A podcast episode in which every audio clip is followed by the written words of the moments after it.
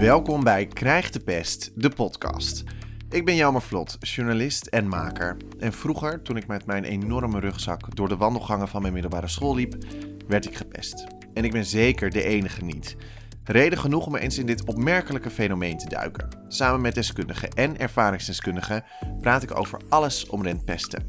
En dat doe ik voor jou, de pester, gepeste, ouder, opa, oma, docent, iedereen eigenlijk. En in deze aflevering stap ik in de trein richting Utrecht. Ik zoek Rutger Verhoef op. Hij is vroeger zelf gepest en kampt vandaag de dag nog met de consequenties daarvan. In deze aflevering gaan we het dus ook hebben over hoe je als volwassene omgaat met je pestverleden. Rutger Verhoef. Ja. Jij bent huisarts, podcastmaker. Je maakt namelijk zelf het Pestlab. En je bent ook schrijver van onder andere het boek Laat je niet verpesten. Daar gaan we het ook eventjes voornamelijk over hebben. Kan je iets meer vertellen over dit boek? Nou ja, laat je niet verpesten. De, de titel zegt het eigenlijk al een beetje. Van, eh, nou ja, ik ben zelf gepest, uh, middelbare schoolperiode. En nou ja, die tijd ging gelukkig voorbij, tenminste de pestperiode. Alleen ja, daarna begon een leven wat, uh, wat ik zelf nog wel zwaarder vond dan misschien wel het, de hele pestperiode aan zich. En niet iedereen zal het daar dan mee eens zijn, maar Mhm. vond ik zelf wel om, om het leven weer op te pakken. En daarin heb ik uh, weinig hulp gehad of hulp kunnen vinden uh, in die tijd. Het is alweer een tijdje geleden. Um, maar na verloop van tijd, jaren therapie, uh, maar ook de studie die ik gedaan heb, geneeskunde, ben ik er toch wel weer bovenop gekomen, vind ik, vind ik zelf. Dus dat boek, ja, nou ja, laat je niet verpesten, uh, gaat er natuurlijk om dat je, je na een pestperiode, ja, dat je toch wel weer helemaal bovenop zou kunnen komen. Ligt er natuurlijk aan waar je wil komen. Want daar gaan we het eigenlijk over hebben vandaag. Over Ja. hoe je pestverleden invloed kan hebben op je volwassen leven. Um, maar daarvoor wil ik eigenlijk eerst eventjes terug naar die tijd. Naar jouw pestverleden. Ja. Want hoe, um, hoe was dat voor jou? Wat gebeurde er? Waardoor werd je gepest? Wil je ons eens meenemen? Nou ja, ik ben opgegroeid in Husse, een klein dorpje tussen Arnhem en uh, Nijmegen. En uh, dat is een hele veilige omgeving, uh, kleine basisschool. En dat ging allemaal best wel, uh, ja, dat ging eigenlijk heel goed. Zelfs in de, de schoolmusical een van de hoofdrollen gespeeld, wat ik heel erg fijn vond. Nou ja, daarna ging ik naar een middelbare school en ik was wel redelijk streber. Dus ik wilde naar een, een, een bepaalde school toe uh, waar je, nou ja, uh, gymnasium had, uh, nou ja, dat soort dingen. Maar uiteindelijk kwam ik in de gemixte klas terecht en ik was een jongen met, met een beugel, een bril. En ik denk dat ik ook niet heel assertief was in het feit Hm. van dat, ja, als ik, uh, nou ja, een, uitgescholden zou worden, zou ik niet zo snel iets terug kunnen zeggen. Dat, dat had ik ook helemaal niet geleerd in mijn uh, basisschoolperiode en ook niet, niet thuis. Omdat het ook niet nodig was. Het was ook niet nodig, nee. nee dus, dus dat was ook niet, uh, dat, dat gereedschap had ik ook niet. En nou, ik denk ook dat ik daarom, en ik was ook nou ja, streber dat ik graag hogere cijfers wilde halen. En, en ik hield al snel de hoogste cijfers van de klas. Dus ik viel op met, met ja. Uh, meerdere uh, eigenschappen. uh, en, nou ja, en als je opvalt, dan denk ik al dat je snel doelwit kan worden van, van pesten. En dat, dat ging van, nou ja, één woord weet ik nog wel. Nou ja, nerd werd ik vaak genoemd. En uiteindelijk was het ook zo dat nou ja, fietsen in elkaar getrapt werd. Uiteindelijk soort van gestenigd worden na, na grimmen. Dat ik tegen de muur aan werd gezet. Dat er de stenen naar me gegooid werden. Het waren altijd drie uh, jongens waarvan de ene uh, ja, de soort van leider was. Dat was de, ook wel de langste, de grootste. En ja, de rest van de klas waren de omstanders. Maar die deden, uh, deden ook wel mee erin. Ja. Die, De meelopers. Mij, ja, eigenlijk een soort van de meelopers. En dat heeft geresulteerd in het feit dat uh, nou, ik uiteindelijk in een soort van assertiviteitsclubje werd gezet door mijn mentor. Waardoor je weer een buitenbeentje voelt. Nou ja, dat was nou eenmaal zo. En um, nou ja, uh, dat pesten hield niet op. Dus bij mij was het zo dat het uh, uiteindelijk ook al een beetje richting depressieve gevoelens en, en uh, ik hoef er niet meer te zijn. Dus mijn laatste redding was wat ik dacht, een einde aan mijn leven maken. Dus, dus ik ben toen naar de, uh, nee, ik, had, ik had een plannetje verzonnen van ik ga naar de brug toe in, uh, in Arnhem. Dat was de Nelson Mandela brug, nog steeds een Nelson Mandela brug, maar hoog genoeg. En ik had allemaal boeken in mijn, in mijn tas gedaan en ik denk ik spring eraf. Maar uiteindelijk heb ik het gelukkig niet gedurfd. Uh, mogelijke combinatie van hoogtevrees ook, maar dat me gered heeft. Maar, Sorry, eh, dat vind ik dan maar weer... ja, nee, ja, nee, op ergens, ergens nu kan ik er ook wel op lachen hoor. Ja, Dus, eh, dat je denkt, nou, laat ik het dan zo doen, maar dan heb ik wel hoogtevrees. ja, dus het was niet helemaal doordacht, Nee. dat plannetje. En toen ben ik naar huis gegaan en ik, ik heb het eigenlijk nooit tegen mijn ouders gezegd, maar toen eh barstte de bom. En nou ja, mijn ouders natuurlijk geschrokken, zijn toen naar, naar school gegaan. En eh, hebben me eh, toen van, eh, van school gehaald. Dus de laatste paar maanden, ik weet niet meer precies hoe, hoeveel maanden dat zijn geweest, heb ik thuis les gehad. We lachen hier een klein beetje om de situatie, maar echt grappig is het natuurlijk niet. Kamp jij nou ook met zelfmoordgevoelens? Bel dan 0800 0113 en praat erover. Dit kan volledig anoniem. Durf je niet te bellen? Op hun website is ook een chatfunctie te vinden. En eh, toen ben ik na die twee jaar ben ik naar een andere school gegaan. En, en toen, ja, wonder boven, wonder boven wonder, maar ja, die andere school werd ik ook heel goed opgevangen. Ik had toen een mentrix, eh noemen we het zo, een vrouwelijke mentor. En die, ehm, die, die zei ook in, in, eh, in het begin, voordat ik eigenlijk de klas in kwam, van goh, ehm, eh, ik ga ook tegen de klas zeggen dat ze jou gaan helpen. Ehm, eh, als er iets is, wij spreken elkaar maandelijks. Eh, gaan we evalueren en dan eh, kun je bij mij alles kwijt. Dus het was eigenlijk al een soort van warm bad. En ik kwam ook wel in een kleinere klas hoor, met eh, allemaal leerlingen die ehm, ja, mogelijk ook wat meer, nou ja, wat meer bij mij pasten, om het Ja. zo maar te zeggen. Dus, en ze zei ook toen ik werd voorgesteld in de klas van, goh, dit is, dit is Rutger en nou ja, met Rutger is er wat gebeurd. Dat gaat hij misschien zelf ook nog wel een keer vertellen. Maar dat is allemaal niet zo heel erg leuk geweest. En jullie gaan ervoor zorgen dat hij weer eh, op zijn gemak gaat voelen. En nou ja, dat heeft goed uitgepakt. Wat goed. Ja, Dan zie je ook echt dat zo'n Mentrix zo'n goede basis kan zijn. ja absoluut. Ja, ja. En wat voor Dus- rol een leerkracht dan wel niet speelt eigenlijk. In... Ja, het was een groot verschil tussen die. eh, en uiteindelijk neem ik hem nu ook niet kwalijk hoor. Maar ik heb dat wel hele lange tijd gedaan. Eh, de, die, die mentor van die Ja. andere school. Dat hij dat hij mij eerst in een ander klasje zette. Terwijl hij zag wat er gebeurde in de klas. En, en daarna ook niks ondernomen heeft. Hij ook niks meer laten horen. Ook al eh, zat ik toen thuis. Dus dat, eh, dat heb ik een lange tijd eh kwalijk genomen. Alleen na verloop van tijd, als je jezelf beter gaat voelen, ga je ook denken van ja, misschien zat die man ook niet lekker in zijn vel. Misschien kon hij het ook wel niet aan. Nee. En die Mentrix daarna wel, die had het wel allemaal op een rijtje. Die wist wel precies wat ze... En die pakte het goed aan, ja. Ja, nou ja, ja, dat is mooi. Ja, ik denk dan altijd nog wel, het is wel je baan. Ja, Dus absoluut. Misschien absoluut, ook een ja. beetje eh, simpel gedacht. En het, het hoor, hoort maar- er ook bij. Precies. Ja, Ja, ja. Maar nog even terug naar het moment dat je dacht: ehm, ik ga een einde aan mijn leven maken. Ik zie dit niet meer zitten. Wat was voor jou het moment dat je dat dacht? Na dat eh, voorbeeld dat je gaf over dat stenige? Of was het.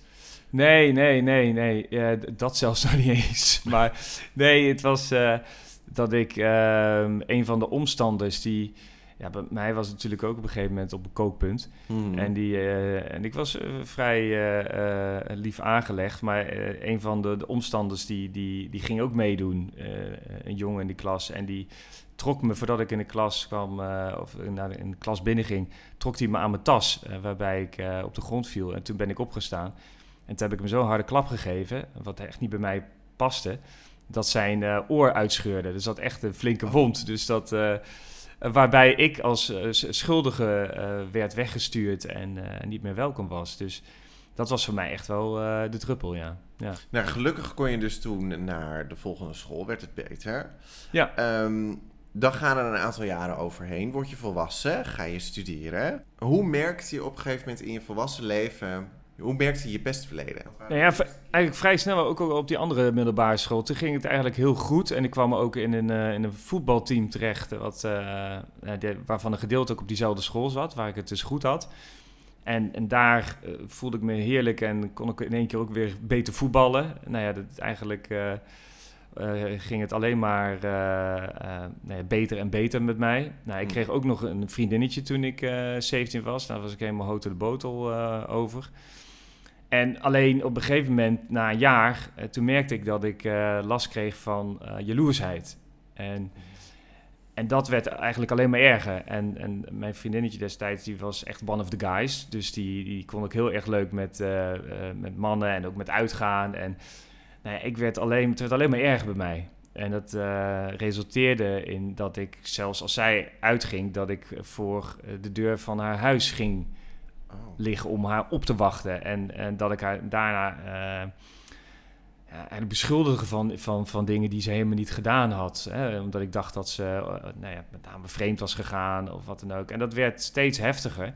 Dat uiteindelijk haar ouders mij uitgenodigd hebben en hebben gezegd van... Goh, ja, je maakt het leven van onze dochter niet heel erg fijn, om het maar op zijn zachtst eh, te zeggen. En eh, volgens mij kun je beter toch eh, hulp gaan zoeken, want dit is niet goed. Echt hele lieve mensen eigenlijk, dat Ja, ze dat zo... ja. want ik kon echt wel heel erg boos worden. En helemaal als ik een drankje op had tijdens het stappen op haar. En, en toen hebben ze me eigenlijk het beste advies gegeven wat ik ooit heb gekregen in die tijd. Dat ik dus aan mezelf moest gaan werken.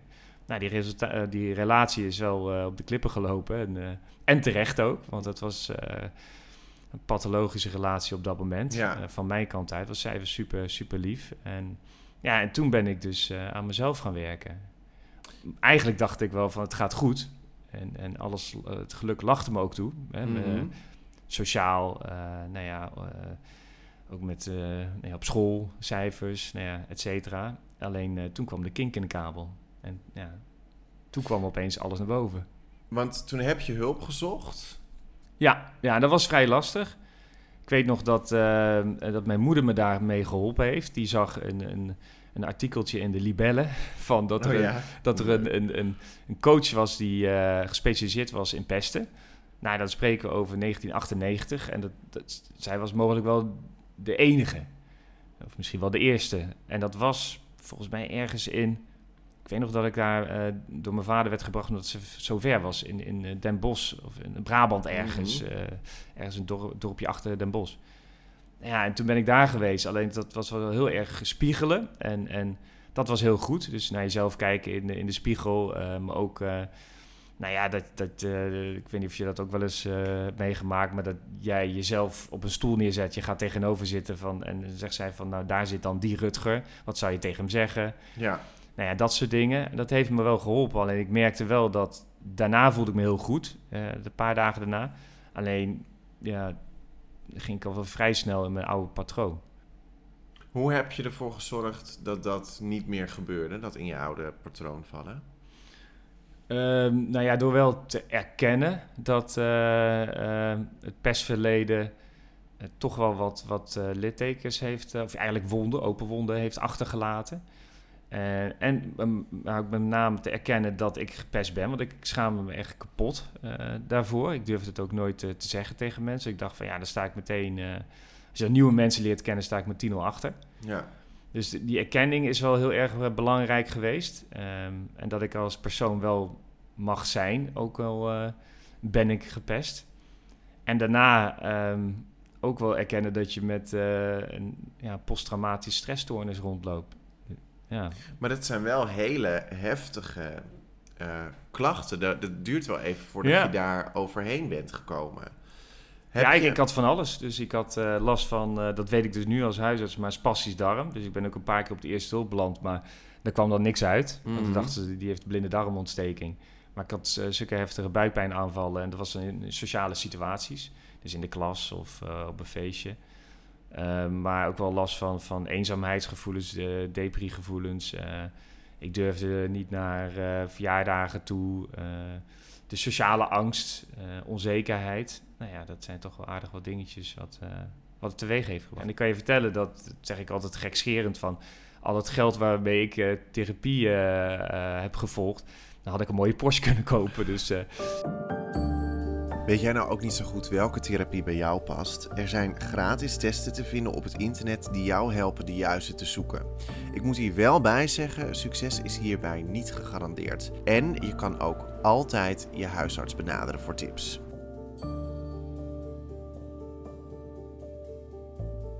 Hoeveel, over hoeveel therapieën heb je dan? Ehm, nou ja, ik, ik, dus, nou, die, nee, ik ben dus als eerste naar die psycholoog geweest in, in Brabant. Uh, ik heb nog uh, assertiviteitstraining gehad in groepen, presentatie, uh, cursus. Ik heb ook nog een, een, een liefdes, liefdestherapie gehad, omdat ik moeite had met, met binden, en maar ook weer met verlaten. En dan, wat moet ik me dan Is dat een soort first date in therapie? Wat moet ik bij me voorstellen? Ja, nou, dat, ja, ik ben zelf toen gaan zoeken en dat was toen misschien wel het slechtste wat ik ooit heb gekozen. Want ik zat daar, dat was toen wel in Nijmegen en ik ging eh, kijken, omdat ik van elke, van iedereen die ik date of waar ik kortstondige relatie mee had, eh zei ze altijd van, maar ja, we hebben nooit een idee gehad wie jij bent. Je laat jezelf nooit zien en...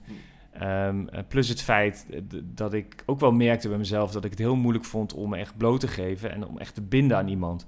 Omdat ik als ze dood was, dat iemand mij zou kwetsen. Dus dat dan liever gewoon Niks. kortstondig niks en, en, en, en dan eh, vaarwel zeggen dan dat je echt de diepte met iemand ingaat en dat je daarna gekwetst wordt. Want ik, ik echt heel ja, ru- cruw gezegd, ik vond het leuker om iemand te kwetsen dan dat ik zelf gekwetst werd. Dan was Ja. ik veiliger. Dus, eh, Zeker, ja. en dat deed je dan als je na een paar dates eh, zei van... nou, ik, ik laat niks meer van me horen. En dan kwets je iemand en dat is, dat is niet goed. Dus na de zoveelste keer dat ik dat gehoord had... dacht ik van, nou, ik moet gaan kijken of daar ergens therapie in is. Nou, dat vond ik. Alleen dat was ergens op een zolderkamertje in Nijmegen... met eh, tien mensen van alle leeftijden. En ja, die, die gingen dan eh, elke keer vertellen van eh, wat ze nu weer verkeerd hadden gedaan. Maar dat was ook niet echt mijn ding. Dus, maar, dat, wat, maar dat waren ook types van, die, nou ja, van waarbij de partner dan de auto had gejat. En, Oh. en, en dat het daar dan niet goed ging. En, en, terwijl ik was meer op zoek naar ehm, de oplossing hoe ik beter met mijn bindingsangst om kon gaan. En dat was niet de, de juiste therapie. Dus na drie keer eh, heb ik toen wel, eh, ben ik niet meer eh, opgekomen dagen. Het klinkt ook een beetje... eh, eh, Niet zo officieel of zo. zo Ja, dat was het ook. Ja, je kan Maar het ja- geprobeerd hebben, toch? Ja, nee, zeker, Ja, zeker. Maar ja, je wil, op een gegeven moment wil je toch bijna alles aanpakken om maar eh, eh, je problemen aan te gaan. En die, die had ik genoeg. Want wat heeft uiteindelijk geholpen? Nou, ik denk dat, dat natuurlijk heeft de therapie eh, die ik heb gevolgd, dat, dat eh, één op één, dat heeft me zeker ook wel geholpen. Ik heb ook nog wel eh EMDR gehad, dat hielp me niet zozeer, omdat ik best wel lastig vond om me te concentreren. Dus dat, ja, en Mhm. bij EMDR moet je echt wel alles los kunnen laten om je heen. Dus dat werkte bij mij niet zo. Maar uiteindelijk, tijdens, eh, tijdens geneeskunde, dan leer je ook wel te relativeren. Want je ziet gewoon mensen die, die, eh, die struggelen met veel grotere dingen dan, dan dat jij dat doet op dat moment. Terwijl het op zich wel best wel eh, nou ja, grote problemen zijn. Maar het leert je wel relativeren, het vak. En uiteindelijk moest je bij geneeskunde wel om de vier, vier weken een presentatie geven. Nou, dat heeft hem wel gepusht. Dus ik denk dat de studie me ook wel heel erg geholpen heeft. Dat je je pestverleden nog merkte tijdens je studie, dat hebben we besproken, dat is Ja, duidelijk. heel erg. Ja. Tegen wat eh, liep je nog meer op? Nou, wat ik zelf wel merkte, en, en dat is voor heel veel mensen denk ik heel lastig om te accepteren, maar ik merkte dat ik heel erg in de slachtofferrol zat. Oké. Dat alles wat, eh, eh, nou ja, wat moeilijk voor me was, wat een drempel voor me was destijds, dat dacht ik dat me dat overkwam. Maar dat deed ik eigenlijk zelf. Dus hè, die ene professor die net een, een, een, een stomme vraag, wat ik stom vond, eh, aan mij stelde waar ik het antwoord niet op had. Of als ik aan de bar stond en die barkeeper die zag mij maar niet. En Ja, dacht van ja, dat, dat is weer tegen mij. De wereld is tegen mij. En dat was ik- als een aanval ervaren. alles was, alles Ja. was een aanval. En dat heb ik best wel lange tijd zo gevoeld. Totdat ik dacht van ja, eigenlijk alles wat ik, wat ik doe in mijn leven, doe ik zelf. Dus hoe ik ergens binnenkom, hoe ik vragen stel, eh, ja, hoe ik ben, hoe ik doe. Ja, dat, dat doe ik zelf. En, ik, word, ik word niet meer gepest. Kijk, ik ben slachtoffer geweest, maar ik ben het niet meer. Ik, ben, ik, zit, eh, ik zit nog wel in de slachtofferrol, maar ik ben geen slachtoffer meer. En dat is heel lastig, eh, heb ik ook wel gemerkt, reacties van andere mensen, om te accepteren dat je geen slachtoffer meer bent. En dat je dus alles wat je doet, dat dat vanuit jezelf komt. Maar dat geeft ook wel weer aan dat als je dat accepteert, dat je geen slachtoffer meer bent, dat je controle over jezelf krijgt en dat je de stappen kan gaan maken, in positieve zin. Hoe ben je tot deze realisatie gekomen?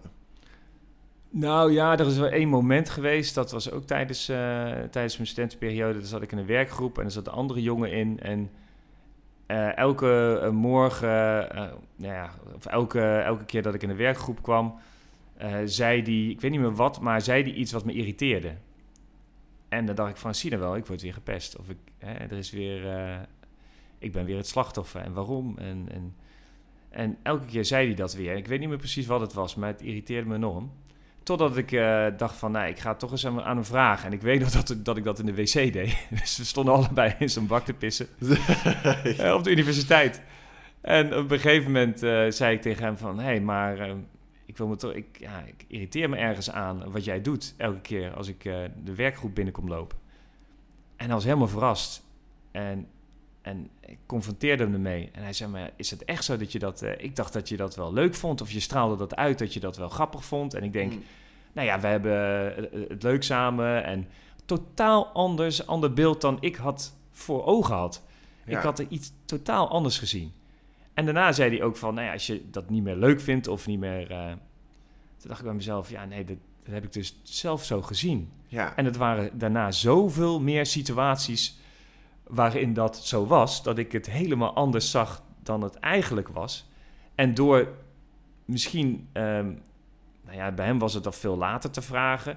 En je kunt, ja, het is ook niet altijd zo dat je dat op dat moment dan ook aan mensen kan vragen van, hey, eh, bedoel Hoe je dat nou het? verkeerd? Of eh, niet, ja, ben je me aan het pesten? Maar eh, een dag later kan ook nog. En als je dat eh, nog beter kan, dan kan het zelfs eh, een uur later nog. Of zelfs op het moment zelf. Maar dat is wel iets waar, eh, ja, waar ik toen op dat moment... Dat, dat ik me dat zo besefte van... Goh, ik, eh, nee, ik ben geen slachtoffer meer. ja, en ook Ja. bijzonder dat je dus eigenlijk zo je eigen realiteit kan creëren. Ja, ja. Negatief. Negatief. Ja. Ja, terwijl Ja. iemand anders dat dus helemaal niet, niet doorheeft. Nee, het leven was positiever dan ik dacht. Dus eigenlijk zeg je, eh, kort gezegd, probeer ook uit de slachtofferrol te stappen. Ja, Het is helemaal niet gezegd dat jij misschien ook in de slachtofferrol zit, maar als je je in het verhaal van Rutger herkent, hoef je niet al die stappen alleen te maken. Via het internet zijn er allerlei trainingen te vinden om uit deze rol te komen. Ook hierbij kan je je huisarts benaderen, die kan je tips geven of doorsturen naar een praktijkondersteuner. Uit onderzoek blijkt ook dat veel mensen die vroeger ehm, gepest zijn, hun pestverleden meenemen, maar daar eigenlijk niet zo van bewust zijn. ja. Dus ze erkennen hun klachten niet helemaal of weten niet dat het vanuit hun pestverleden komt. Wist jij dat wel meteen? nee, nee. Hoe Nee, ben je niet. erachter gekomen? Nou ja, heel stom, maar eh, pas, pas jaren later eigenlijk. Ik, wa- wat ik al zei, ik heb best wel wat therapeuten versleten. En die hebben nooit tegen mij gezegd van... Goh, eh, de, de, de bindingsangst, eh, de buikpijn die je vaak hebt... de depressieve gevoelens of... of ja, ga, zo, ga zo maar door. Maar dat hebben ze eigenlijk nooit zo gezegd van... Ja, maar dat past allemaal bij het, bij het pesten. Of dat kan bij het Hmm. pesten passen. En, en het, dat, dat is iets wat je moet omarmen, hoe, eh, hoe lelijk dat ook klinkt. En als je dat pas echt geaccepteerd hebt, dat dat bij je hoort nu, hè, dat je maar even diegene bent waar je zelf een hekel aan hebt, ja, dan pas kun je verder. Kan je het moment voor je halen dat je dacht, oh, misschien komt het dus door mijn pestverleden? Of is dat een beetje maar zo gekomen? Nou ja, nee, ik, ik- natuurlijk toen met mijn eerste vriendinnetje, toen had ik wel het idee van, hé, hey, dat, eh, dat kan wel eens komen door het, door het pesten, die, Mhm. die eh, jaloezie. En nou, ik denk ook wel toen ik eh, wat meer ja, richting de kooschappen ging, dat ik ook wel dacht van, hé, hey, de rest om me heen heeft dat, heeft dat wat minder. En ik merk aan mezelf dat ik, dat ik echt al nu ja, mezelf leer kennen of tegen mezelf aanloop. Maar ja, misschien nog wel het meeste, eh, denk ik, tijdens mijn huisartsopleiding. Oké. Want ik weet nog dat wij eh, het eerste half jaar in de huisartsopleiding zit je met, een- met een klein groepje. En op een gegeven moment ga je naar eh, een weekje op de hei, noemen ze dat. Huilen op de hei, noemen ze dat. Ongezellig. Ja, ja en dan, dat is helemaal niet gezellig. Nee. En, en, eh, ehm, en dan word je met twee gedragswetenschappers word je opgesloten. Wij toen, in, dat heette toen op de hei, maar wij gingen naar een klooster. En, en dan weet ik nog dat we, nou zat ik een half jaar in die groep. En, en ja, toen moest die groep mij omschrijven. En ze zeiden allemaal van, we kennen je helemaal niet. We, we, we zien je nou een half jaar. Maar je bent een beetje de clown. Hè? Je maakt altijd wel een grapje. En, eh, maar weet totaal niet wie je bent. En, dat, en toen brak ik. Toen Ja. had ik wel zoiets van, jee. En, en ik, ik was eh, toen 27. En toen zei ze ook van, ja, je laat jezelf nooit zien. En je, je- je bent zo gesloten. Ik denk, terwijl ik dacht van, nou, ik, ik laat juist heel erg, ik ben best wel eh, aanwezig. Dus jij herkende dat Maar- eigenlijk helemaal niet? Nou ja, ja, ja, ja, misschien ook weer wel. Omdat er, hè, toen werd eh, mijn, eh, mijn, mijn schild afgedaan, mijn masker werd afgedaan. Ik dacht van nou, dus eigenlijk hetgene wat ik eigenlijk de hele tijd aan het verkopen ben, ja, dat, dat, dat, dat willen ze helemaal niet hebben of dat, Mm. eh, dat pakt helemaal niet. Terwijl ik dacht dat dat jarenlang dat dat een hit was. Maar dat was dus helemaal niet zo. En, ik, en de mensen zeiden van ja, we vinden het eigenlijk veel leuker als we je echt leren kennen. Want nu zien we eigenlijk helemaal niemand. Kon je dat dan Dus- ook meteen doen? Nee, nee, nee, niet meteen, nee, nee. Maar het was wel iets, en dat was wel goed van de opleiding. Dat ze zeiden van, ja, goh, eh, voordat je echt met, eh, met patiënten aan de slag gaat, voordat je echt een huisarts kan worden, ja, dan, dan moet je toch wel eh, jezelf eerst leren kennen. En moet je toch wel jezelf ja, blootleggen Ja. vo- voordat je verder kan. Want als je je eigen problemen niet onder controle hebt, dan kan je echt niet eh, de problemen van andere mensen gaan oplossen. En het is je gelukt. En als we nu kijken naar eh, je leven nu, we hebben nu een beetje de reis wel geschetst die we eh, hebben gehad om beter te worden. Ja. Nu ben je huisarts, je schrijft mooie dingen, je schrijft voor het AD. Nou, als ik je zo zie, ik bedoel, is de eerste keer dat we ontmoeten, maar ik zie geen heel ongelukkige man zitten, heb ik het idee. Volgens Nee. mij ben je best wel gelukkig. Ehm, Klopt, wat zou ja. je voor nu, wat neem je nu nog mee van je pestverleden in je leven, echt nu, op dit moment? Waar ik nu nog last van heb. Ja, of, of geen last, of... Maar wat merk je er nu nog van? Nou ja, nee, ja in, in eh, denk ik wat meer eh, relationele sferen. Ja? Dus, Hoezo? nou ja, ik, ik kan moeilijk mensen teleurstellen. Dus ik vind het zelf ook heel moeilijk om, om mensen bijvoorbeeld af te zeggen. Ik zeg overal, nou, ni- niet met mijn werk of... of ja, dus niet met mijn werk, maar wel met, met, met vrienden of nu in de relatie. vind ik het heel lastig om, om soort van teleur te stellen, terwijl dat helemaal Hmm. niet, zo, eh, niet zo is. En ik kan me best snel eh, persoonlijk aangevallen voelen. Dus als iemand iets eh, opmerkt over mij wat ze niet fijn vinden, dan kan ik vrij snel denken van, ah, die wil me dus helemaal niet. Of die vindt me verschrikkelijk. Of die, die heeft een hekel aan me. Oh, dat herken ik wel, ja. Ja, ja. En, en, en, en nu is het wel zo dat, omdat ik nu wat langere relatie heb, dat gelukkig eh, dat mijn partner dat in het begin eh, voor lief heeft genomen dat ik echt, nou ja, in een soort van ruzie meteen wegliep. Mhm. En het is over. En het is klaar. En het is...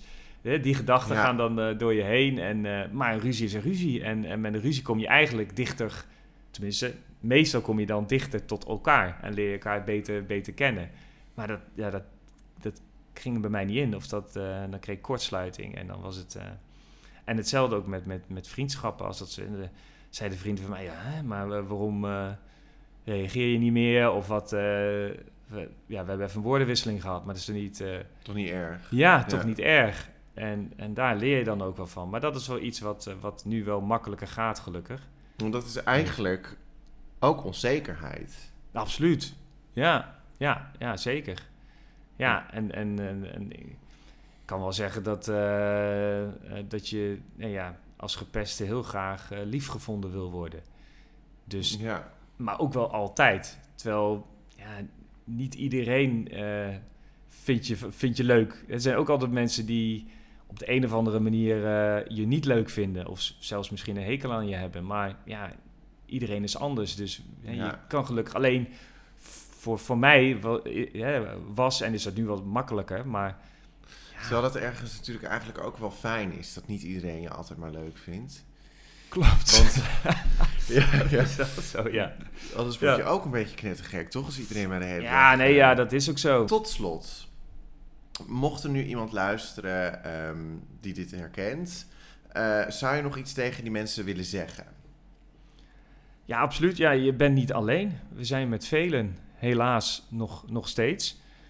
Maar eh, als je jezelf hierin herkent, eh, vertel het aan anderen. Eh, en dan met name de mensen waarbij je je nu dan veilig bij voelt, waarbij je je kan uiten.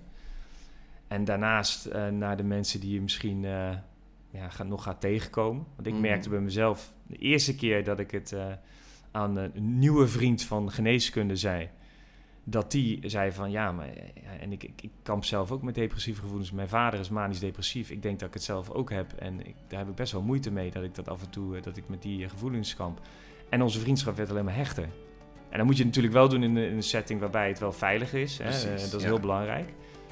Maar praat erover en dan merk je al dat, het, eh, dat je jezelf wat meer gaat accepteren. Dat je er bent met je persverleden. Rutger Verhoef, dankjewel.